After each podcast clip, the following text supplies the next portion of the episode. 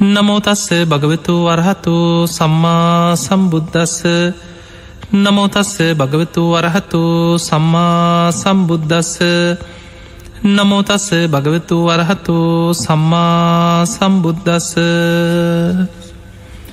හැම දෙනාටම තෙරුවන්සරණ ප්‍රාර්ථනා කරමින් අදත් ඔබ හැම දෙනාම බෝම සද්ධාවෙන් ඔබේ ජීවිතයට වැදගත් ධර්මකාරණා රැසක් එකතු කරගන්න සූදානන් වෙන මොහොත. ධර්මශ්‍රවනය කරන ලක්වාසි ලෝවාසී හැම දෙනාටමත් මේ උතුම් ධර්මශ්‍රවනය නිවන්දොරටුවක් බවට පත්වේවා කෙ අපි මුලින්ම ආශිර්වාද කරන. පිංහතුනේ අද අපි කතා කරන්නේ බුදුරජාණන් වහන්සේගේ ගිහි ශ්‍රාවිකාවන්.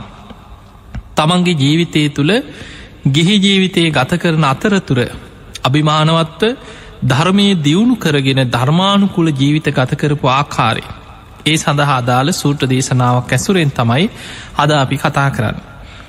බොහෝ වෙලාවට බොහෝ දෙනෙකුගේ ප්‍රාර්ථනය අපිට ඔය දන්දීලා බොහෝ වෙලාවට දාන අනුශාසනා කරනකොට බොහෝ වෙලාවට අහන්න ලැබෙන දෙයක් තමයි විසාකා සුමනාව සුජාතා බන්දුල මල්ලිකා එතකොට මේ වගේ නං අපිට බුද්ධ ශාසනය තුළ එදා හිටිය බොහෝ දම්පින්කංකරපු බුදුරජාණන් වහන්සේගේ ශාසනය ගිහි මේ ශ්‍රාවිකාවන්ගේ නං අහන්න ලැබෙනවා.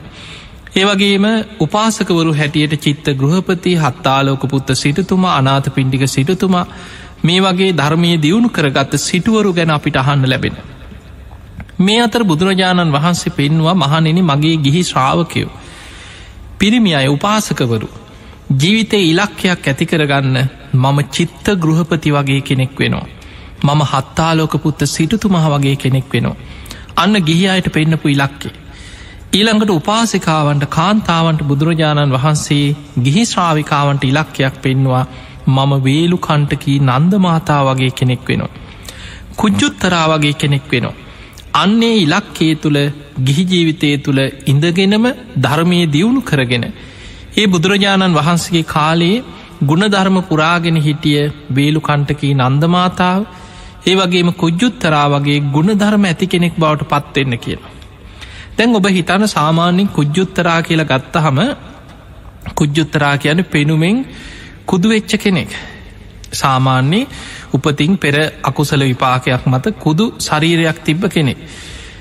ඊළඟට කුජ්ජුත්තරා කියන රජ්ජුරුවන්ගේ අරන්තපපුරේ බිසෝවරුන්ගේ වැඩ කාරි සේවිකාව. හිතකොට බලන්න බුදුරජාණන් වහන්සේ උන්වහන්සේගේ ගිහි ශ්‍රාවිකාවන්ට පෙන්න්න කුජ්ජුත්තරා වගේ වෙන්. එතකොට කෙනෙකුට හිතෙන පුළ ඉතින් එහෙන අපි මේ කුදු වෙලා යන්න කියල අපිට මේ කියන්නේ. අපිටත් මේ සේවිකාවක් වෙන්නද. බුදුරජාණන් වහන්සේ පෙන්න්න එහෙම දෙන්නේ බාහිර රස්සාාවන මේ වටින්නේ. කරන රැකියාවෙන් පුද්ගලයෙක් මනින්න බෑ. ශරීර පෙනුමත් නෙමේ නැයිතකොට අපිට පෙන කුජ්ජුත්තරා කියන්නේ වැඩකාරයක් ඊළඟට බොහොම කොදු ශරීරයක් ඇති මෙහිම බොහොම ලස්සන කෙනෙක් නෙමෙයි. හැබැයි බුදුරජාණන් වහන්සේ ශ්‍රාවිකාවන්ට පෙන්නුවේ අර බොහෝම ධනවත් පවුල්ලොල හිටිය. විසාකා වගේ පංච කල්්‍යයානී තිබ බොහොම ලස්සන කෙනෙ මෙන්න මේ වගේ වෙන්න කියලා නෙමේ රූපයෙන්වත් රැකියාවෙන්වත් පුද්ගලයාගේ කායික සුරූපයෙන්වත් නෙමෙයි බුදුරජාණන් වහන්සේ ශ්‍රාවිකාවන්ට පෙන්වේ ගුණධර්මාතින් සීලේ පැත්තෙන් සමාධිය පැත්තෙන් ප්‍රඥාව පැත්තෙන් තමන් තුළ තියෙන ධර්මාවබෝධය පැත්තෙන් කුජ්ජුත්තරා කියන්නේ ගිහි ජීවිතේම අනාගාමී පලට හිත වඩාගත්ත කෙනෙ. ඒ වගේ මයි ගිහි ශ්‍රාවිකාවන් අතර සාමාන්‍ය මේ බුද්ධ ශාසනයම ඉඳලා තියෙන්නේ සෝවාන් වෙද්දිම සිව්පිලිසිමියා ඥාන ලබපු පස් දෙනයි. මේ සිව්පිලිසිබියා ඥාන ලැබෙන්නේ මහරහතන් වහන්සේලාට තමයි උතුම් අරහත්වයත් සමඟ පහළ වෙන්නේ ඒ පුුණ්‍ය හැකියාව. හැබැයි සෝවාන් වෙද්දිම පැවිද්දන්ගෙන් ආනන්ද හාමුදුරුවන්ට පිහිටිය. පැවිද්දන්ගේ ආනන්ද හාමුදුරුව ගැන විතරයි සඳහන් වෙන්නේ. උන්වහන්සේ සෝවාන් පලට පත්වෙද්දි. සිව් පිලිසිමියාඥාන අර්ථ ධර්ම නිරුක්ති පටිභාන. පුංචි කාරණයක් ධර්මකාරණයක් ඇහුවනං ඒ අර්ථ වසයෙන් තේරුම් ගන්නවා ඒක ධර්මකාරණාවසයෙන් ගලපගන්න දක්ෂයි ඒක තව උපමා උපමේ ඇසුරෙන් ලස්සන්ට විස්තර කරන්න පටිභාන දක්ෂතාව ගැන ලස්සන්ට විස්තර කරමින් දහම් දෙසීමේ හැකියාව. මේ සියලු හැකියාවන් ආනන්ද හාන්දුරන්ට පිහිටිය. ඊළඟට මේ හැකියාවම ගිහි ශ්‍රාවිකාව අතර කුජ්ජුත්තරාවට තිබුණ කිය. එතකොට බලන්න කුජ්ජුත්තරා පෙරමුණවා හරි අකුසල විපාකයක් නිසා සේවිකාවක් හැටියට මාලිගාවක ඉපදුනත් කොදු ශරීරයක් ඇතුව බොහොම ලස්සන නැති කායිශ සුරූපයක් ඇතුව ඉපදුනත් පෙර මොනතරම් පුුණ්‍ය ශක්තියක් තිබුණද සිව්පිලිසිබියා ඥාන සෝවාන් වෙද්දිම ලබන්. පුංචි ධර්මකාරණයක් ඇහුවනං ඒ අර්ථ ධර්ම නිරුක්ති පටිබහන වසයෙන් වටහාගන්න පුළුව ඒක විස්තර කර කර පැය ගානක් වුණට ලස්සනට දහම් දෙසන්න පුළුවන් හැකියාව තිබුණ. එනිසා තමයි කුජ්ජුත්තරාව සාමාවතී ඇතුළු පන්සීයක් දෙනාට බුදුරජාණන් වහන්සේගෙන් ධර්මය අහගෙන ගිහිල්ල මාලිගාව බිසෝවරුන්ට ඔක්කොටෝම බණ කියනවා. හැබැයි බණ කියන්නේ බිසෝවරු බිම වාඩි කරලා. රජ්ජුරුවන්ගේ අග බිසව වුනත් මොන බිසව වුනත් කුජ්ජුත්තරා බණ කියනකොට අභිමානයක් තුළ තමයි බණකිවේ. ඔබ දන්නවා කුජ්ජුත්තරා සාමාවතීගේ පුරුද්දක් තිබුණ මල්වලින් සරසනවා මේ මාලිගාව හැමදාම අලුත් මල් ගෙනහල්ල මල්වලින් සරසනවා මාලිගාව කොටස. දැන් කොජ්ජොත්තරාවට ඒ කාලි හැටියට කහවනු අටක් දෙනවා ගිහිල්ල මල්ගෙනෙන් කියලා. තැන්දින් සේවිකාව මාලිගාවෙන් එලියට ගිහිල පාරවල්ලොල ඇවිදලා ඒ කාලෙ සුමන මල්කාරයගෙන් තමයි මල් ගන්න. හැබැයි කහවනු අටේ මල් ගන්න කහවනු හතරක මල් අරගෙන ඉතිරි කහවනු හතර හොරකංකර. එතකොට අපිට පේනවා මේ ධර්මය ලැබෙන්න පෙර ජීවිතේ ධර්මාවබෝධය ලබන්න කලින් බුදුරජාණන් වහන්සේ මුණගැහෙන්න පෙර නොේ කඩු පාඩු තිබිලා තින තුට කුජ්ජුත්තරාව කියන කලින් හොරකං කරලා තියෙනවා. කහවනු හතර ගානි දවස ගානි හොරකං කරගත්ත. දැන් හොරකං කල මේ හොරකම් වහන්නේ කොහොමද බොරුවෙන් තමයි වහන්නේ. ගිහිල්ල කියනවා නේ දේවිය මෙන්න මෙච්චරයි මල් දෙන්නේ. මේ මල්කාරයා බලන්නක සමට මල්කාරයට බනිනවත් ඇති බේ බලන්න දෙන මල්ටිකමුන් කියලා. එතකොට බොරුවෙන් මේ හොරකමත් වහගන්න. තින් දවසක් මල්ගේන්නේ යනකොට එදා මල්නෑ සුමන මල්කාරයාගේ නිවසි බුද්ධ ප්‍රමුඛ සංඝයා වඩම්මල දානයක්. ආරංචි වුණා අද දානයක් මල් නෑ කමක් නෑ නිවසටම ගිහිල්ල මල්ටික ඉල්ලගන්නවා දානිවර වෙලා කියලා ගියා ගෙදර. යනකොට බුදුරජාණන් වහන්සේ සඟ පිරිස සමඟ දානය වළඳලා දහම් දෙසන්න සූදානන් වෙන වෙලා. කුජ්ජුත්තර අයිතින් මේ බණහන්ඩ ගිය ගම නක් නෙමෙයිනි ගිහිල් අර බණහන පිරිස අතර මේ දාන අනුශාසනාව අහන්න කැමති උන්න එච්චර. කමන්නෑ කියලා එලිය පැත්තකින් නිකක් කොනකට වෙන්න අයිනකින් වාඩි වෙලා හිටිය වැඩ ඉවරුණහ මල්ටි කරයන්නකු කියලා. කොනක වාඩි වෙලා හිටියත් බුදුරජාණන් වහන්සේ බුදු ඇසින් බැලුවා කවුද අද මේ පිරිසාත්තරින් ධර්මාවබෝධය ලබන පින්වන්තම කෙනා? බුදු ඇසට අරමුණුනේ කුජ්ජුත්තරා. එතකොට බලන්න කොනක වාඩි වෙලා හිටියත් ආය වෙන කාරණයකට. ආය මල්ටිකක් ගෙනියන්න. බණහන්නාව නෙමෙයි.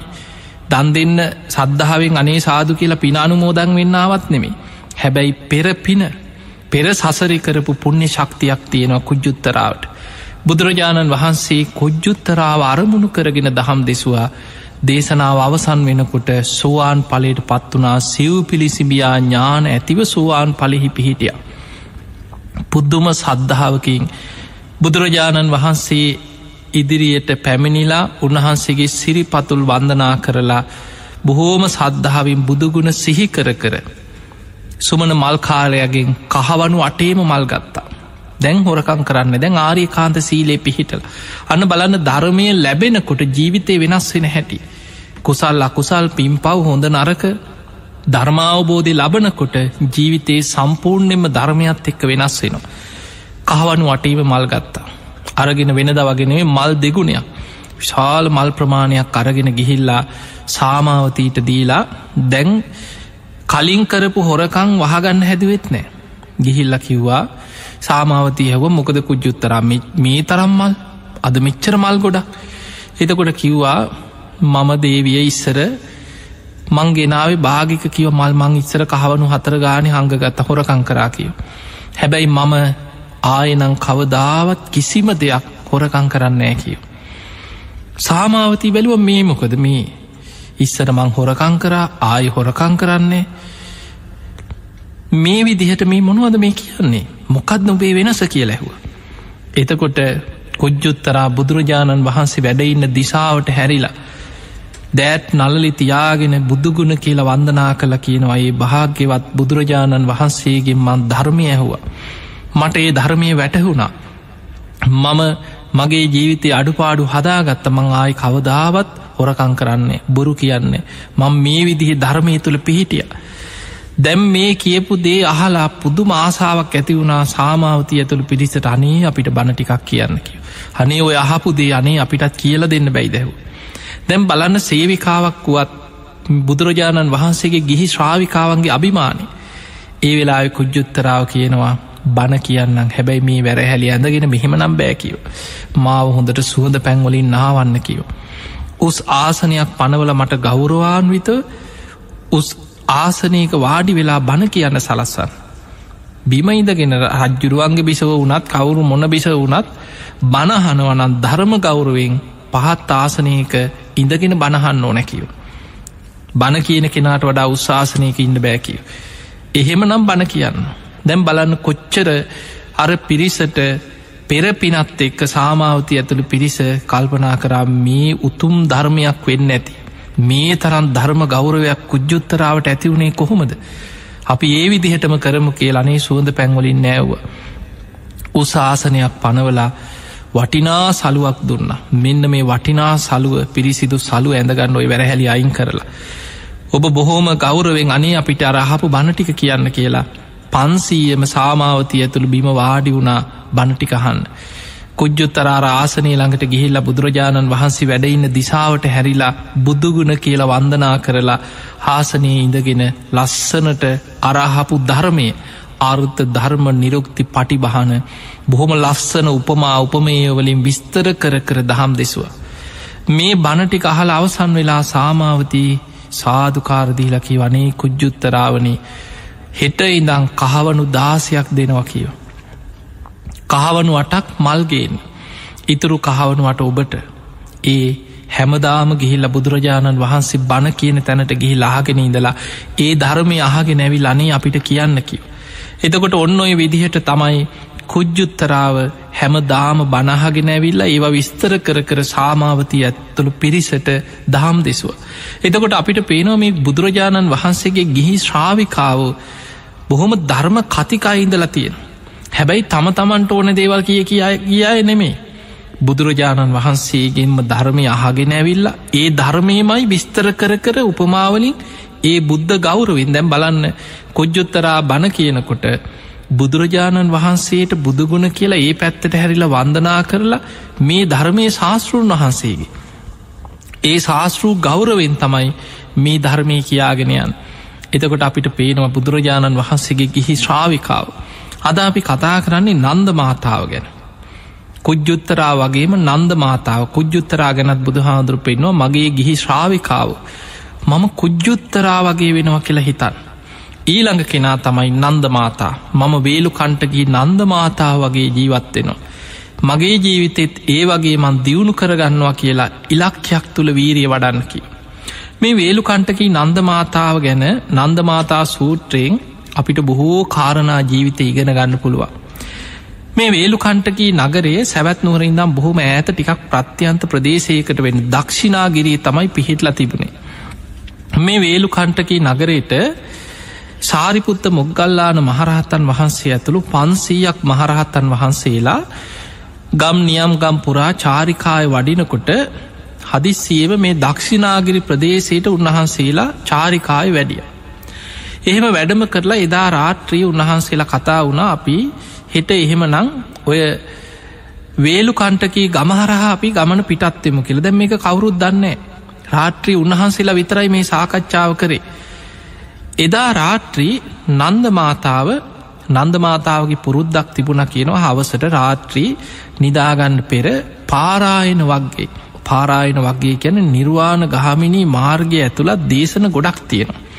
මේක තියෙන්නේ සුත්ත නිපාතයට අයිති මේ කුද්දක නිකායි සුත්ත නිපාතකින ග්‍රන්ථයේ සඳහන්ගෙන පාරායන වක්ගේ කියලා නිවන අරමුණු කරගත්ත බොහොම ලස්සන දේශන පෙලා. මෙන්න මේ දේශනා නන්ද මාතාවට කටපාඩන් කියලා. හැමදාම හවසට මේ බුද්ධ දේශනා සජ්්‍යායනා කරනවා මිහිරට. දැම් බලන්න ඔය පරණ ආච්චිල සියලා ඉස්සර තුන් සූට්‍ර කටපාඩමින් කියන්න. ඒවත් බුද්ධ දේශනා මහා මංගල සූත්‍රය රතන සූත්‍රය කරණයමිත්ත සූට්‍ර මිනිස්සු කටපාඩන් කරගෙන හිටිය. මේ පිරිත් කටපාඩමින් කියනවා.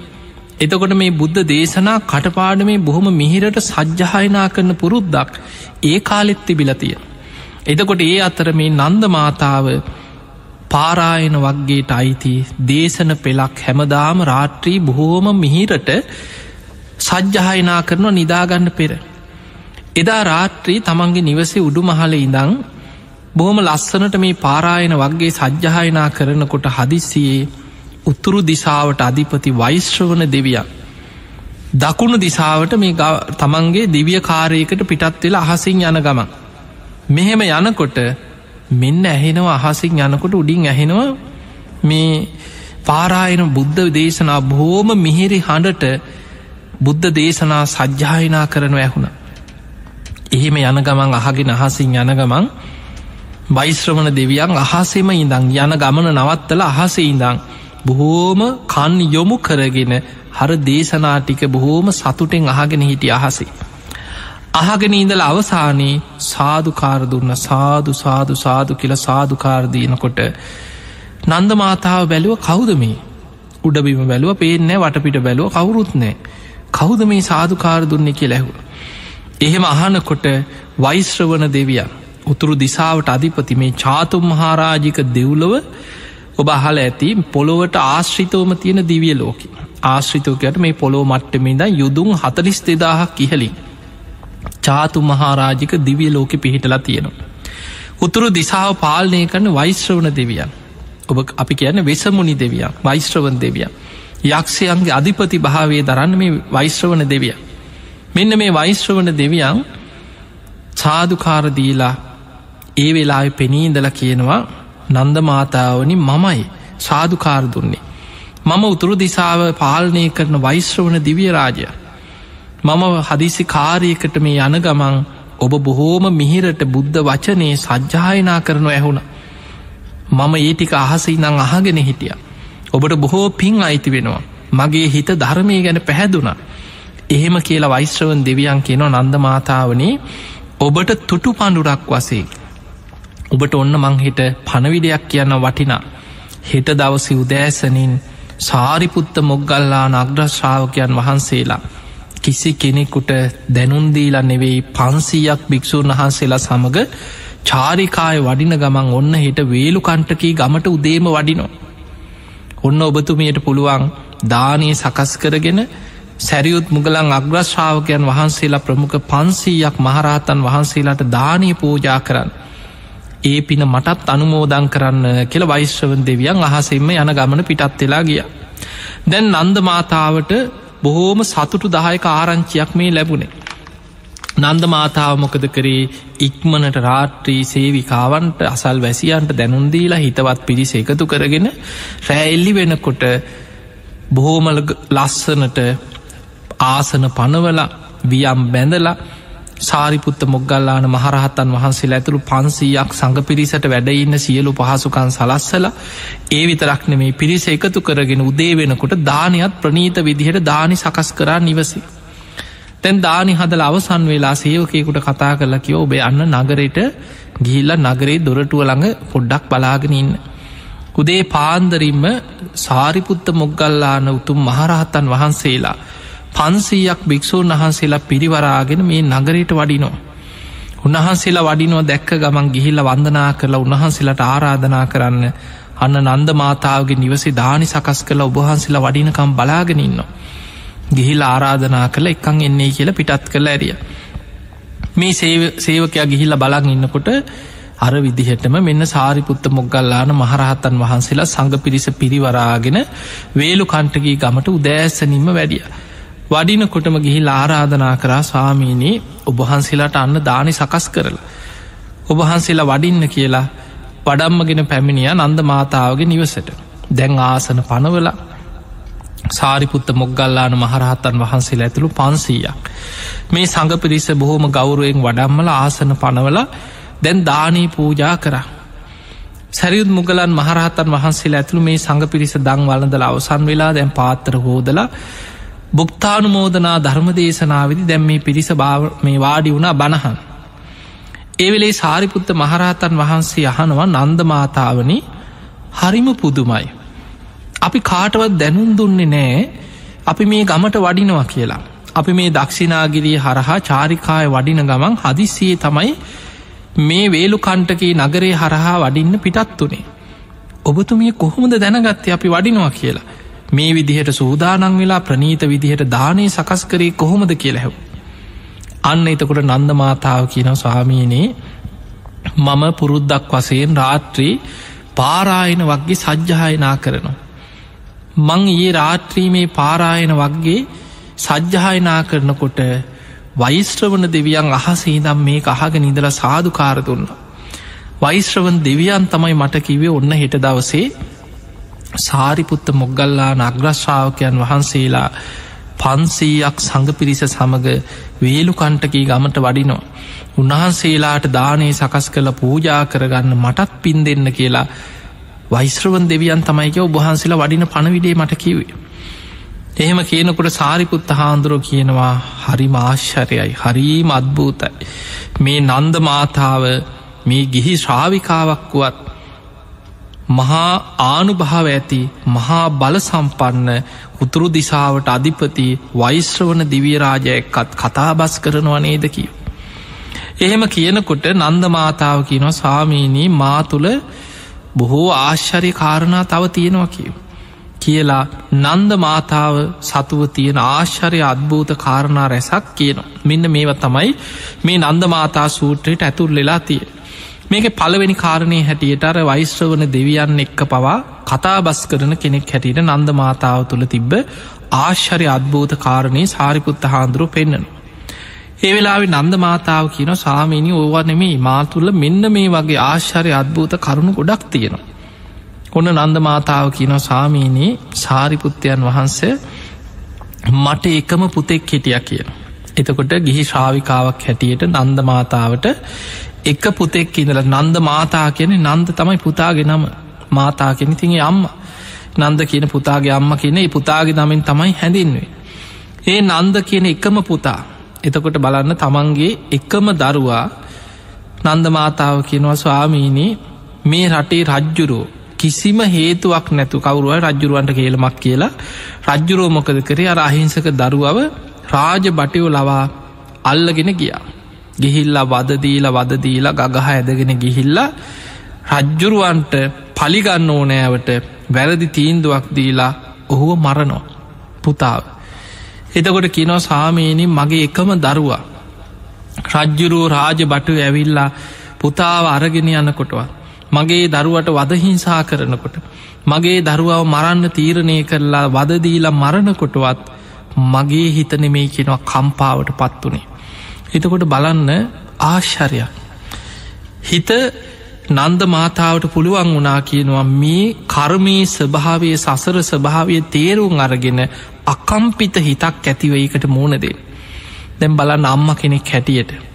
තමන්ගේ එකම දරුවා නොකළ වරදකට තරහට හරි කේලමක් නිසා හරි රජ්ජුරෝ රාජ බටයෝ දම්මල ඇදගෙන ගිහිල්ල මේ දරුවට වදහිංසා කළ දරුව මරණකොට වෙන අම්ම කෙනෙකුට දරාගන්න පුළුවන්කමක් නෑ හැබැයි නන්ද මාතාව ඒ වෙලාවෙ කර්මේස් රජ්ජුරුවන්ට සාප කරන්නෙත් නැතුව ඇයි මගේ පුතාට මෙහෙම උනේ කියලා ඒ මට්ට මේ මනසිෙන් ඇදගෙන වැටින් නැතුව ඔහු කරගත්ත කර්ම විපාකයක් වෙන්න ඇති කියලා කර්මය පැත්තෙන් හිතල හිත හදාගන්න සසරි කොච්චරනක් ඉපදී ඉපද යන ආත්ම භාවල මේ වගේ කොයි තරන් නොකළ වැරදි නිසා දඩුවන් විඳල ඇද. කොයි තරං උල ඉඳල ඇද. කොයි තරම් බෙලි කැපුම් කාල ඇද. මේ වගේ භයානක සංසාර ගමනක නේද අපි මේ ඉපදී ඉපදී මැරිමැරි යන්නේ.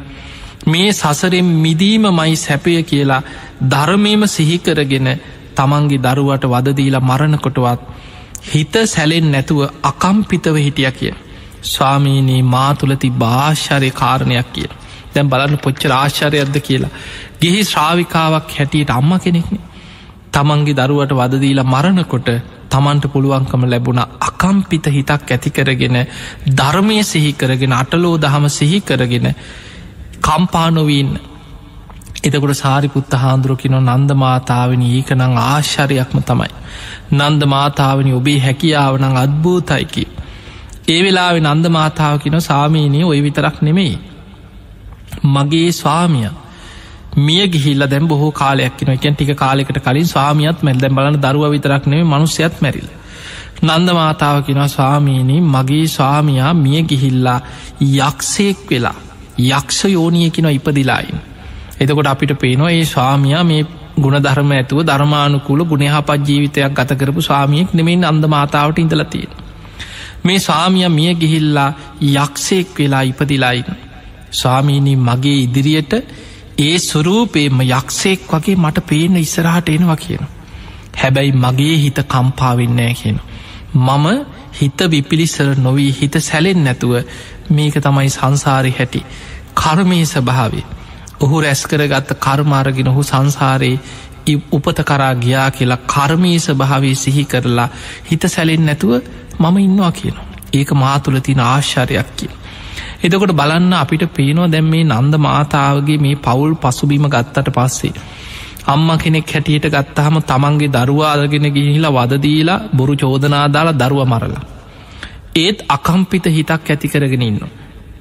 ඊළඟට නන්ද මාතාවට ඉඳල තියෙන්නේ ගුණේ හපත් ධර්මය දියුණු කරපු මේ බණ භාවනා කරපු හොඳට ධර්මය වඩපු එහෙම ස්වාමියෙක් නෙවෙයි කියන එක පේනවා ස්වාමියයා මිය පරල්ලව ගිහිල්ල යක්ෂයෙක් කියලා ඉපදිලා තොට බන්න මේ තරම් ගුණයහපත් මේ තරම් ධර්මය වඩන ධර්මය සජ්්‍යායනා කරන බුදුරජාණන් වහන්සේගේ ගිහි ශ්‍රාවිකාව අතර බොහොම ශේෂ්ඨ ශ්‍රාවිකාවක් වෙලත් සාමිය ගුණහපත්කමක් නැති ධර්මයක් නැති මැරිලා යකෙක් වෙච්චයක් මේ ස්වාමිය කිදල තියෙන්. එතකොට ඒ විතරන්න නිකම් මැරිලා යකෙක් වෙලා කොයි හරින්නවාගේ නෙමෙයිනි. දැන් නන්ද මාතාව කියනවා ස්වාමීන්නේ මගේ ස්වාමියයා යක්ෂයෙක් වෙලා මගේ ඉදිරියට පෙර සුරූපයම පේෙන් එනවා කියලා. මේක තියෙන අංගුත්තර නිකාය සත්තක නිපාති තියෙන්නේ නන්ද මාතා සූත්‍රය.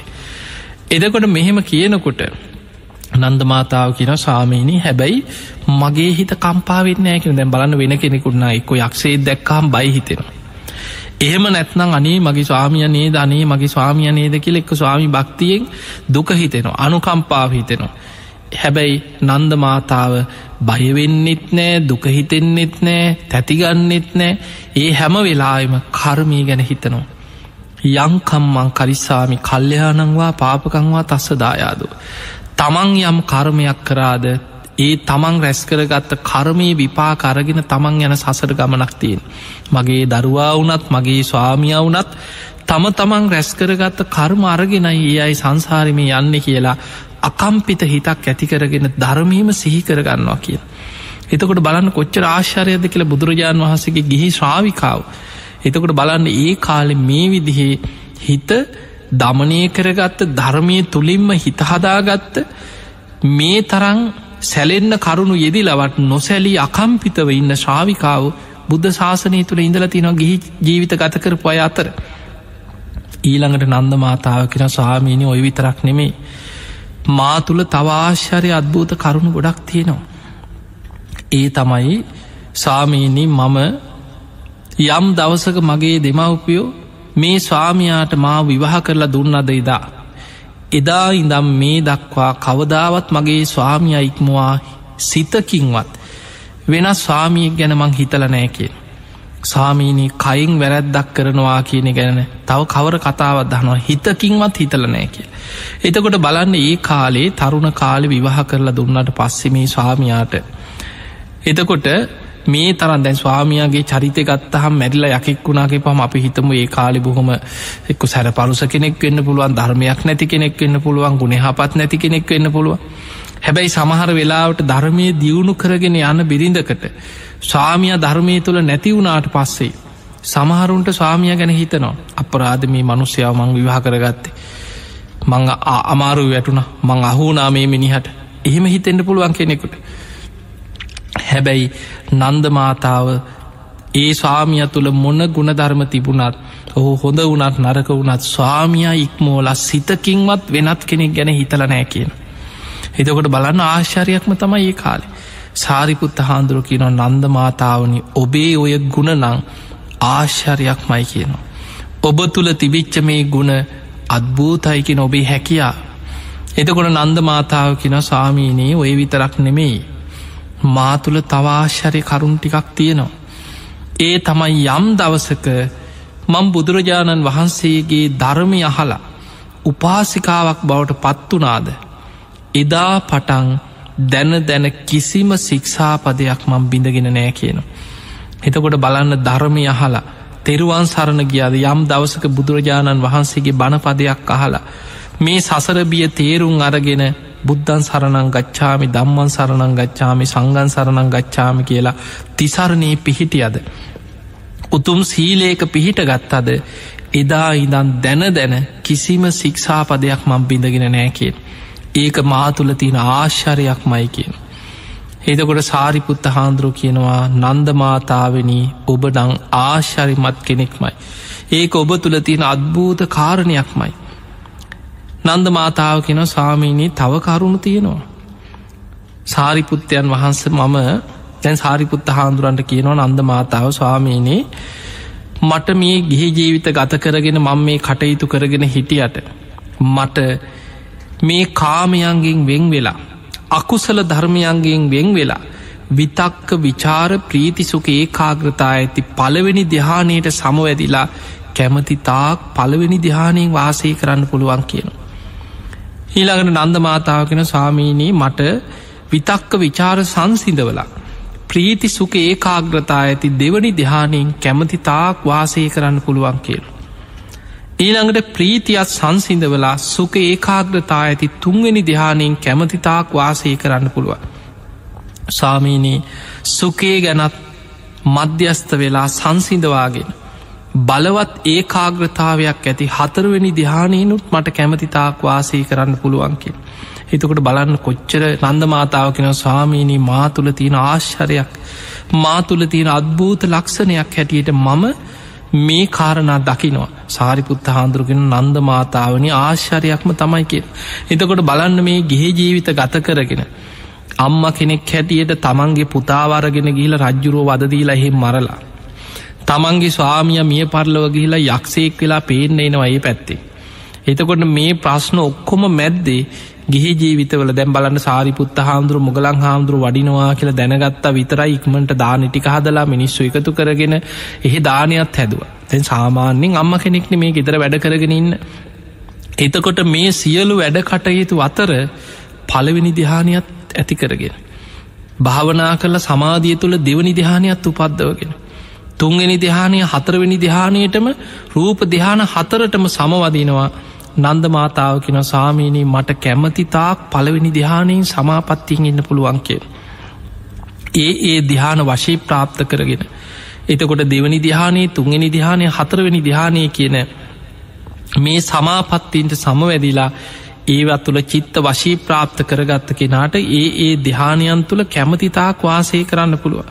එතකොට බලන්න ගිහි ශ්‍රාවිකාවක් වුණත් නන්ද මාතාවට ඒ ඒ දිහානවලට පවා සමවැදිලා. දැ සමාරුගෙන අපිට ඉතින් ගිහි ජීවිත ගත කරන කොහෙද භාවනා කරන්න? මේ ගෙවල් ොල ප්‍රශ්න මැද්දෙ කොහෙද භාවනා කරන්න? දැම් බලන්න බුදුරජාණන් වහන්සේගේ මේ ශ්‍රාවකයම පොඩි කාරදර ගොඩක්ද? තමන්ගේ දරුවගේ එකම දරුවගෙන හිලා වදදීල මරලා මෙහ මනුස්්‍යය මැල්ල යකෙක් වෙලා මේ සියලු ප්‍රශ්න අතරේ නන්ද මාතාවට පුළුවන් වුණා පලවෙනි දිහානේ දෙවනි දිහානේ තුන්ගෙන දිහානය හතරවෙනි දිහානේ හොඳර සමාපත්තිවලට හිත වඩාගෙන ගිහි ජීවිතය ගත කරන්න. සාරිපුත්ත හාන්දුරු කිනො නන්ද මාතාවනි ඔබ නං ආශ්චරයයි. අත්භූතයි ඔබ තුළ තියෙන මේ හැකියා. එතකොට නන්ද මාතාව කිනො සාමීනී මාතුලෝ එවිතරක් නෙමෙයි තව ආශ්චරය අත්භූත කාරණයක් තියෙනවා. ඒ තමයි බුදුරජාණන් වහන්සේ ප්‍රහාණී කළ යුතු යම් ඕරම් භාගේ සංයෝජනයක් ගැන දේශනා කරාද පංචෝරම් භාගේ සංයෝජන මාතුල ඒව ප්‍රහාණී කරගෙනයි කෙනව මම්මයින් ඒව මාතුල නෑ කිය. එතකොට ඒ කියන්නේ සක්කායදිට්ටි විචිකිච්චා සීලබ්බත පරාමාස කාමරාග පටික කියන මේ පංචෝරම් භාගේ සංයෝජන පහම ප්‍රහාණය කරලා. ඒක අදහස තමයි අනාගාමී පලට පත්වෙලා. එදකොට එතනදී අපිට පැහැදිලියෝ පේන මේ ධර්මය අවබෝධ කරගත්ත ශ්‍රාවකයා ධර්මය දියුණු කරගත් අයට ධර්ම කාරණා තුළින් තමයි තමන්ගේ අවබෝධය වැටහෙන්න සලස්සන්න. මම අනාගාමී කියලා කියන්න පුළුවන් කටඇල්ල කියන්න බයිද? හැබැයි කියන්න කියනෑ සාරිපුත්ත හාමුදුරුව ඉදිරියේවත් මුගලං හාමුදුරුව ඉදිරියේවත් මේ මහරහත්තන් වහන්සේලා ඉදිරියේවත් නන්දමාතාව ස්වාමීනිමං අනාගාමී කියලා කියන්න කියනෑ උන්වහන්සේලාට ධර්මය තුළින් වැටහෙන හැටියට ව්‍යංගාර්ථයෙන් කියනවා ස්වාමීණී බුදුරජාණන් වහන්සේ යම් පංචෝරම් භාගේ සංයෝජනයක් ගැන දේශනා කරානම් මාතුලේවනෑ කියනවා. මංය ප්‍රහාණය කරපු කෙනෙ එතකොට අන්න ධර්මය දන්න කෙනා දන්නවා. එහෙනම් මේ කෙනා මේ නන්ද මාතාව අනාගාමී පලේටම පත්වෙච්ච කෙනෙක් කියල. එතකොට සාරිපුත්ත හාන්දුරගෙනවා නන්ද මාතාවනි ආශ්චරයක්ම තමයි කියනවා. ඔබ තුළ තියනොය හැකියාවනං අත්භූතයි කියන. එතකොට අපිට පේනෝ බුදුරජාණන් වහන්සේගේ ගිහි ශ්‍රාවිකාව ගිහි ජීවිතය තුළ දැම් බලන්න සක්කාය දිට්ටි විචිකිච්ඡා සීලබ්බත පරාමාසකෙන් ත්‍රිවිධ සංයෝජන ප්‍රහාණය වෙන්නේ සෝවාන් පලයට පත්වෙනකොට. සෝතාපන්න ශ්‍රාවකයා තුළ මෙන්න මේ පහලට කාමලෝකයට ඇද දපන මේ ත්‍රිවිධ සංයෝජන ප්‍රහාණය වෙලා යනු. හැබැයි සෝවාන් වෙච්ච කෙනාට කාමරාග පටික එහෙ පිටිම්ම තියෙනවා. ඊළඟට උද්දම්භාගේ සංයෝජනවලට අයිති රූපරාග අරූපරාග මාන උද්දච් අවිද්‍යා කෙන ඒ සංයෝජන පහත් තියෙනවා. දැන් සෝවාන් වෙච්ච පුද්ගලයාගේ ඊළඟ ඉලක්කේ තමයි සකදාගාමී පලට පත්වීම. ඔහු ඒ පිණිස ධර්ම මාර්ග වඩල සීල සමාධි ප්‍රඥා වඩාගෙන ගිහිල්ල ඕ සකදාගාමී පලට පත්වෙනකොට කාමරාග පටික තුනීවීමක් වෙන්න. සම්පූර්ණයෙන් ප්‍රහාණය වෙනවන්නෙමේ. එහි කාමරාග පටික තුනී වෙලා යන. බොහෝ ප්‍රමාණයක් ප්‍රහාණය වෙනවා සම්පූර්ණයෙන් ප්‍රහාණයක් වෙන්නේ නෑ. එතකොට ඒ තුළ සකදාගාමී පලට පත්වෙන. ඊළඟට අනාගාමී වෙනකොට තමයි කාමරාග පටික සම්පූර්ණයෙන් ප්‍රහාණය වෙලා යන්න. එතකොට අපිට පේන අනාගාමී ශ්‍රාවකයා කාමලෝකයට එන ඒකයි අනාගාමි කරන්න ආගාමි කාමලෝකෙට ආයමත් එන්නෑ කිය. මේ කාමලෝකය කියන්නේ දිවියලෝක මනුස්සලෝක සතරාපාය මේ ඔක්කොම කාමලෝකට සෝවාන් වෙනකොටම අපායගාමි අකුසල් ඔක්කොම් ප්‍රහණය වෙලා ඉවරයි. සෝවාන් වෙද්දිම අපායගාමි අකුසල් ප්‍රහණය වෙන. හැබැයි සෝවාන් වෙච්ච කෙනා කාමලෝකෙ දිවිය මනුස්ස කියන මේ ලෝකවලට බැඳීම තියෙනවා. හැබැයි ඔහු සකදාගාමී වෙනකොටේ බැඳීමෙන් බොහෝ ප්‍රවාහණයක් නිදහස් වෙන නිසා සකදාගාමි වෙච්ච ශ්‍රාවකයත් එකාත්මයක් හරි කාමලෝක උපදිනවා. හැබැයි අනාගාමි වෙනකොට කාමරාග පටික සංයෝජන සම්පූර්ණයෙන් ඔහු තුළින් ප්‍රහාණය වෙන. ඒ සම්පූර්ණයෙන් ප්‍රහාණයවීමත් එක්ක කාමලෝකයට තියෙන බැඳීම සම්පූර්ණයම නැති වෙලා යන. ඒ නිසා තමයි අනාගාමි වෙච්ච කෙන ආයි කාමලෝකට එන්නෙන්නේ දිවියලෝකෙ උපදින්නෙත් නෑ. චාතු මහරාජික තාවතින්සේ යාමය තුසිතය නිර්මාණ රති පරණින්මිත වසවත්තිගෙන මේ සදවුලොව කිසිම දිවිය ලෝකයක අනාගාමි වෙච්ච කෙනෙ කාපහු කාමලෝකකට දිවිය ලෝකකටවත් එන්නේ. අනාගාමි වෙච්ච කෙනා උපදින්නේ අනාගාමී අයම උපදින බ්‍රහ්ම තලතියෙන. ඒ තමයි අවිහ අතප්ප සුදස්ස සුදස්සී අකනිටාගෙන මේ බ්‍රහ්ම තල. මේවට ධර්මී සඳහන් වෙන පංච සුද්ධවාස කියලා. මේ සුද්ධවාස කියන බ්‍රහ්ම තලවල උපදිනවා. ඒ බඹලව ඉපදිලා එහෙදී අනිත් උද්දම් භාගේ සංයෝජන ටික ප්‍රහාණය කරගෙන එහෙම පිරිනිවන් පාන්. එතකොට මේ අනාගාමි වෙච්ච පුද්ගලයන් තුළත් බුදුරජාණන් වහන්සේගේ ධර්මය පෙන්නනවා ඉන්ද්‍රිය නානාත්වය මත අනාගාමී පුද්ගලයනුත් කොටස් කීපයකට බෙදලතියෙන. ඒ තමයි අසංකාර පරනිබ්භායි සසංකාර පරනිබ්භායි ඊළඟට අන්තරා පරනිබ්භායි උපහච්ච පරිනිබ්භායි උද්දන් සෝතෝ අකනිට්ඨගාමී කියෙන්. එතකොට සමහර අය ඒ අනාගාමී වෙලා සුද්ධවාස බඹලෝ ඉපදිලා ආයුෂ අඩක් ගෙවෙන්න පෙරම පිරිනිවන් පාන. ඊළඟට සමහරය ආයුෂ අඩක් ගෙවල පිරිනිවන් පාන. සමහරය ඒ දිවිය ලෝකයේ උත්සාහයක් නැතුවම ඒ බ්‍රහ්ම තලේ ඒ සුද්ධවාස බ්‍රහ්ම තලේ උත්සාහ රහිතවම පිරිනිවන් පාන සමාරු එහෙ ගිහිල්ලා ලොකු උත්සාහයක් වීරයක් වඩල ඉතිරි සංයෝජන ටික ප්‍රහාණය කළ පිරිනිවන් පාන. සමහරය අනාගාමි වෙලා සුද්ධවාස බ්‍රහ්මලෝක පහේම උපදිනවා. අවිය බ්‍රහ්මලෝක ඉපදිලා එහි සම්පූර්ණ ආයුෂගෙවල අතප්ප එහෙත් බොහෝ ආයුෂගෙවල සුදස්ස ඊළඟට එහෙත් ආයුෂගෙවලා සුදස්සී බඹල උපදින. ඊළඟට අකනිටා බඹලෝ ඉපදිලා එහෙදිම පිරිනිවන් පාන. එතකොට සමහරය සුද්ධවාස බ්‍රහ්මලෝක පහේම ඉපදිලා උද්දන් සෝතු අකනිට්ටගාම අකනිටා බඹලෝදි පිරිනිවන් පාන. එතකොට මේ අනාගාමී වෙච්ච කෙනාට කාමලෝකෙට ඇදිලා එන බන්ධන නැති වුණාට රූපරාග අරූපරාග මාන උද්දත් චවිද්‍යා කියන මෙන්න මේ සංයෝජන කීප ඉතිරි වෙනවා. ඒවා ප්‍රහාණය වෙන්නේ අරහත් මාර්ගයේදී. අරහත් මාර්ගයේ වඩාගෙන යනකොට ඒවා ප්‍රහාණය වෙලා අරහත් පලයට පත්වෙනකොට තමයි සම්පූර්ණයෙන් ප්‍රහාණය වෙලා යන්න. එතකොට අපිට පේනවා මහරහතන් වහන්සේ නමක් කියන්නේ මේ උද්දම් භාගිය වේවා ඕරම් භාගය වේවා මේ දස සංයෝජනයම්ම ප්‍රහාණය වෙච්ච කෙනෙක් තමයි උතුම් මහරහතන් වහන්සේ නමක් හැටියට ධර්මය හඳුන්නන්. එදකොට අපිට පේනවා මෙන්න මේ සංයෝජන ප්‍රහාණය කර ගැනීම පිණිසයි. බුදුරජාණන් වහන්සේගේ ධර්මය තුළ හැසිරෙන ධර්මය වඩන ශ්‍රාවකයගේ ඉලක්කෙ මේ සංයෝජන ප්‍රහාණය කරගෙන ධර්මාවබෝධය ලැබීම. පිංහතුනි අපිට පේන අපි මේ කතා කර අද නන්ද මාතාව බුදුරජාණන් වහන්සේගේ ගිහි ශ්‍රාවිකාව ගැන. එතකොට අපිට පේන බොහෝ වෙලාවට වර්තමානය මිනිස්සු කතා කරන්න අපිට මේ සමාජයත් එක්ක බෑ. අද කාලේ අපිට අමාරුයි දරුවන්ගේ වැඩ නිසා බෑ ස්වාමියගේ යුතුකන් තියනවා පවුලේ යුතුකන් තියනවා මෙන්න මේ වගේ දේවල් නිසාපිට බෑ කොහිද ඇයිති මේ ගෙවල් වල වැඩත් එක්කෝව කරන්න වෙලාවක් එතකොට මිනිස්සු මේ විදිහට වෙලාවක් නෑ වෙලාවක් නෑ වෙලාවක් නෑ කියකි ප්‍රමාද විවී ප්‍රමාද වෙවී ධර්මය අවබෝධ කරගන්න තිබ කාලයේ නැති කරගන්න. අවස්ථාව ගිලිහිලා යනවා ෂණ සම්පත්ති අහිමි කරගන්නවා බොහෝ දෙනෙ. හැබැයි අපිට පේනවා බුදුරජාණන් වහන්සේගේ ගිහි ශ්‍රාවිකාව.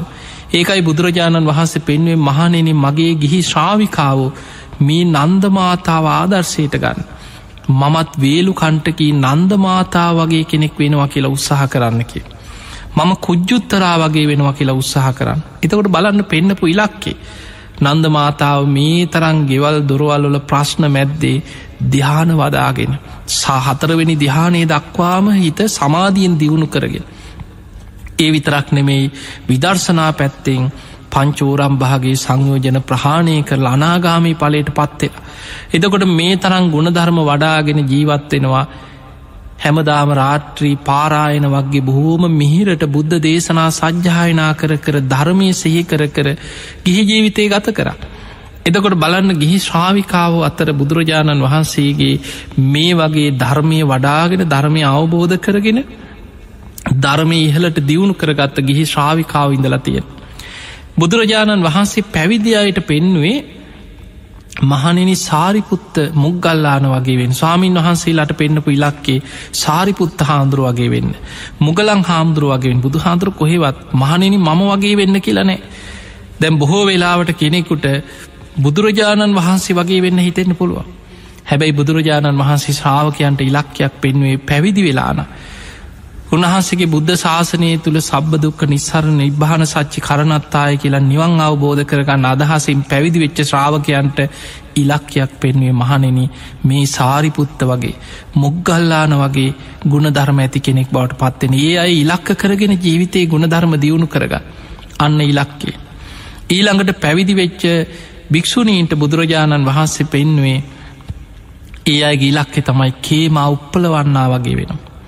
ඒ අය වගේ ගුණධර්ම වඩාගන්නවා කිය දැන් උප්පලවන්නාවගේ ජීවිතය ගත්තොත් නොඒ ප්‍රශ්නවලට ගිහි කාලෙ ලක් වෙච්ච කෙනෙ පැවිදි ජීවිතයෙන් නොඒ කනතුරුවලට ලක්වුණ මොකද බොහෝම ලස්සනට හිටපු පංච කල්්‍යයානය පිහිටපු කෙනෙ අන්න ඒ නිසාම නොඒ කරදරවලට පත්වෙච්ච ජීවිතය.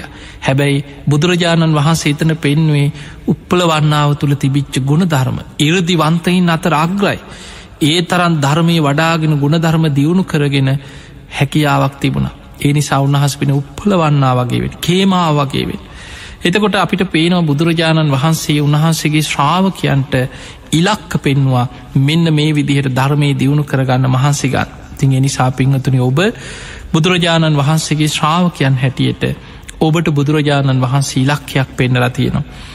දැම් මේ කරුණු ඇහෙනකොට ඔබට හිතේ ඇතිවෙන්න ඕන පැතුමක් ඒ පැතුම බුදුරජාණන් වහසේ පෙන්න්නන්නේ රජකම අපේක්ෂාවෙන් ඉන්න රාජ කුමාරයෙකුට අන්න අසවල් රාජ්‍ය රාජ කුමාරය උටුණු පැළැන්දවා කියලා ආරංචි වෙනකොට අනෙක් යාබද රාජ්‍යවල රාජ කුමාරුරුන්ට හිතෙනවා අනේ මංකවද්ද රජ වෙන්නේ. මංකවද්ද රජ වෙන්නේ. කියල රජකමට ආසාාවක් උපදිනවා. අන්නේ වගේ කියල ලස්සන උපමාවක් පෙන්න්නනවා. මේක බුදුරජාණන් වහන්සේ වදාළ මහනිනි ඔන්න යාබද රාජ්‍යක රාජකුමාරයෙක්ව අභිෂේක කරනර ඔටුනු පලන්දන. මේ ආරංචි වෙන අනෙක් රාජ්‍යවලට දැමොකද ඉන්දියාවේ ඒ කාලේ අංග මගද කසී කෝසල වජ්ජි මල්ල මේ සොලොස් මහ ජනපද තිබුණේ වෙන වෙනම රාජ්‍යයන් හැටිය රජවරු පාලනය කරේ. එතකොට අනික් රාජ්‍යංවල රජකමට සුදුසුකන්තියෙන රජකමට මෙන්න මෙයා තමයි සුදුස්සා කියලා අභිෂේක ගන්වන්න නියම වෙච්ච රාජ කුමාරුරු ඉන්න දැන් රජකමට කෙල් හලාගෙන බලාගෙන ඉන්න කොයි වෙලේ දහම්බෙන්න කියලා. එහෙම ඉන්නකොට ආරංචි වෙනවා මෙන්න යාබද රාජ්‍යක රාජ කුමාරයකුට අන්න ඔටුනු පලන්දලා. ඒ ආරංචි වෙනකොටම හිතෙන්නේ අනේ මංකවත්ද රජ වෙන්නේ. කවද්ද මං ඔටුනු පලඳින්නේ කියලා ආසාාවක් ඇති වෙනවා. ආසංසා රජකම ගැන ඇතිවෙන ආසාාව. බුදුරජාණන් වහන්සේ වදාළ මහනෙන ඔටුනු පලන් රජවරු ඉන්නවා යාබද රාජ්‍යවල. ඒ රජවරුන්ටත් ආරංචි වෙන අන්න අසවල් රාජ කුමාරයට ඔටුනු පැළැන්දුව. හැබැයි රජවරුන්ට හිතෙන්නේ අනේ මංකවද්ද රජ වෙන්න කියලා ඒ අයි රජ වෙලා ඉවරයි ආය අමුතුවෙන් ඔටුනු පලඳන්න දෙයක් නෑ රජ වෙලා ඒ අයගේ ආසාාව සංසිදිලා විගතාසා. ඊළඟට බුදුරජාණන් වහන්සේ වදාලා ඔය නගරේම ඉන්නවා රජවෙන්න ශස්ත්‍රිය රාජකුලේ උපදින්න ඕන රාජිකය ශිල්ප ශාස්ත්‍ර ගැන දැනුමක් ඔය මොකොවත් නැති. ඔය කිසි උගත්කමක් නෑ උසස් කුලේක රජ කුලේක ඉපදිලා නෑ බොහොම පහත් කුලේ ඉපදිලා පාරි හිඟමන යන මෙලෝ දැනුමක් උගත්කමක් නැති පාරඉන්න හිඟන තරුණයෙක් ඉන්නවා. ඔහුටත් කවරුවරගෙන වන්න දන්නවද අසවල් රාජ්‍ය රාජකුමාරයට ඔටුනු පැළැඳුව බුදුරජාණන් වහසයානම් මහනිනි ඔහුට හිතෙයිද? අනේ මංකවද්ද රජ වෙන්නේ කියලා හිතෙනවද? නෑ ඔහුට වගේ කවුරු රජ වනත් එකයි රජ නොවනත් එකයි වගේ වගක් නෑ. අපි හම්ම කරගත්තොත් අපි කන්න කියල මිනිස්සුයි කියන්න. අනේ අපිට මොකටද කියලා? එතකොට ඒ වගේ හරහි ගන්නට හැඟීමක් නෑ. ඔය උපමාව බුදුරජාණන් වහන්සේ ගලපන උන්වහන්සේගේ ශ්‍රාවකයන්ට. මහනිනි ඔය වගේ කෙනෙකුට ධර්මය තුළින් අහන්න ලැබෙනවා මාර්ග පල්ලාබීන් ගැන. දැම් මේ නන්ද මාතාව ගැන ඇහු ඒ වගේ අහන්න ලැබෙනවා. ගිහි ජීවිතය ගත කරපු ශ්‍රාවකයෝ අතර සෝවාන් වෙච්චයි හිටිය. සකදාගාමියයි හිටිය. අනාගාමියයි හිටිය. එතකොට රාජ කුමාරයෙකුට ඇතිවන පැතුම වගේ ආර්ය ශ්‍රාවකයට පැතුමක් ඇති වෙනවා. අනේ මංකවද්ද සෝවාන් වෙන්නේ? අනේ මංකවද්ද අනාගාමි වෙන්නේ? මංකවද්ද රහත් වෙන්නේ? මංකවද්ද මේ ධර්මය අවබනේ කියලා ආසාාවක් ඇතිවෙන අර්මාවබෝධික නැතිවෙන ආසාාව. ආර්ය ශ්‍රාවකයාගේ හිතේ පැතුම උපදිනවා. ඊළඟට බුදුරජාණන් වහන්සේ වදාලා ඔටුනු පලන් රජවරු වගේ තමයි රහතන් වහන්සේලා. රහතන් වහන්සේලාට හිතෙන්නේ මංකවද්ද රහත්වෙන්න කියලා. මොකද උන්වහන්සේලා ධර්මාවබෝධි ලබල ඉවරයි. ඒ නිසා ඔටුනු පලන් රජවරු හා සමානයික රජවරුන්ට හිතෙන්නෙත් නෑන මංකවද රජවෙන්න කිය. ඊළඟට බුදුරජාණන් වහන්සේ වදාලා අද බාල පෘතච්ජනය මේ සමාජය ඉන්නවා ඒ අයට කවුරු සෝවාන් වනත් එකයි කවුරු රහත් වනත් එකයි කවුරු භාවනා කරත් එකයි වගේ වගක්නය අපිට අපාය හොඳයි කියාගත්ත කොටසක් ඉන්න. උඹල නිවන්දක පල්ල අපි අපා යන්නම් කියන කොටසක් ඉන්නවා. එතකොට ඒ අයට කවුරු සෝවාන් වනත් අනේ ගානක් නෑ. බුදුරජාණන් වහස පෙන්වර නගර ඉන්න හිගන්න වගේ. හසවල් රාජකුමාරයට උටුණු පැළැන්දුව කිව කියලා හිඟන්නට ගානක් නෑ කවද්දමන් රජවෙන්න කියලා හිතෙන්නේ ඒ වගේ තමයිකි වන්ද බාල් පුතත්ජනය. එහෙමනං ඔබ මේ බණහන සැදහැවතුම් බුදුරජාණන් වහන්සේ සරණ ගිය ආර්ය ශ්‍රාවකයන් හැටියට භික්ෂු භික්ෂුණි උපාසක උපාසිකාවගේ හිතේ හැම වෙලාවිම පැතුමක් උපදින්න ඕනෑ අනේ මංකවද්ද මාර්ග පල් ලබන්න. මංකවද්ද මේ ධර්මය අවබෝධ කරන්න. මංකවද්ද නිවන් දකින්නේ. අන්නේ පැතුම මේ නන්දමාතා සූත්‍රයාදී දේශන අහනකොට ඔබේ හිතේ උපදින්නට ඕන. අන්නේ හැඟීම ආසාාව ඇති වුණානං ඔබ තෙරුවන් සරණ ගිය ධර්මය කරායන්න උත්සාහ කරන ආර්ය ශ්‍රාවකය ඒ පිණිස් හොම දෙනාටම මේ නන්දමාතා සූත්‍රයම ආශිර්වාදයක්ම වේවා. ධර්මාවබෝධයටම මේ දේශනාව ඔබ හැම දෙනාටම වීරය ඇතිකරවන උතුම් දේශනාවක් බවට පත්වේවා කියල අපි ඔබට ආශිර්වාද ප්‍රාර්ථනා කරනවා.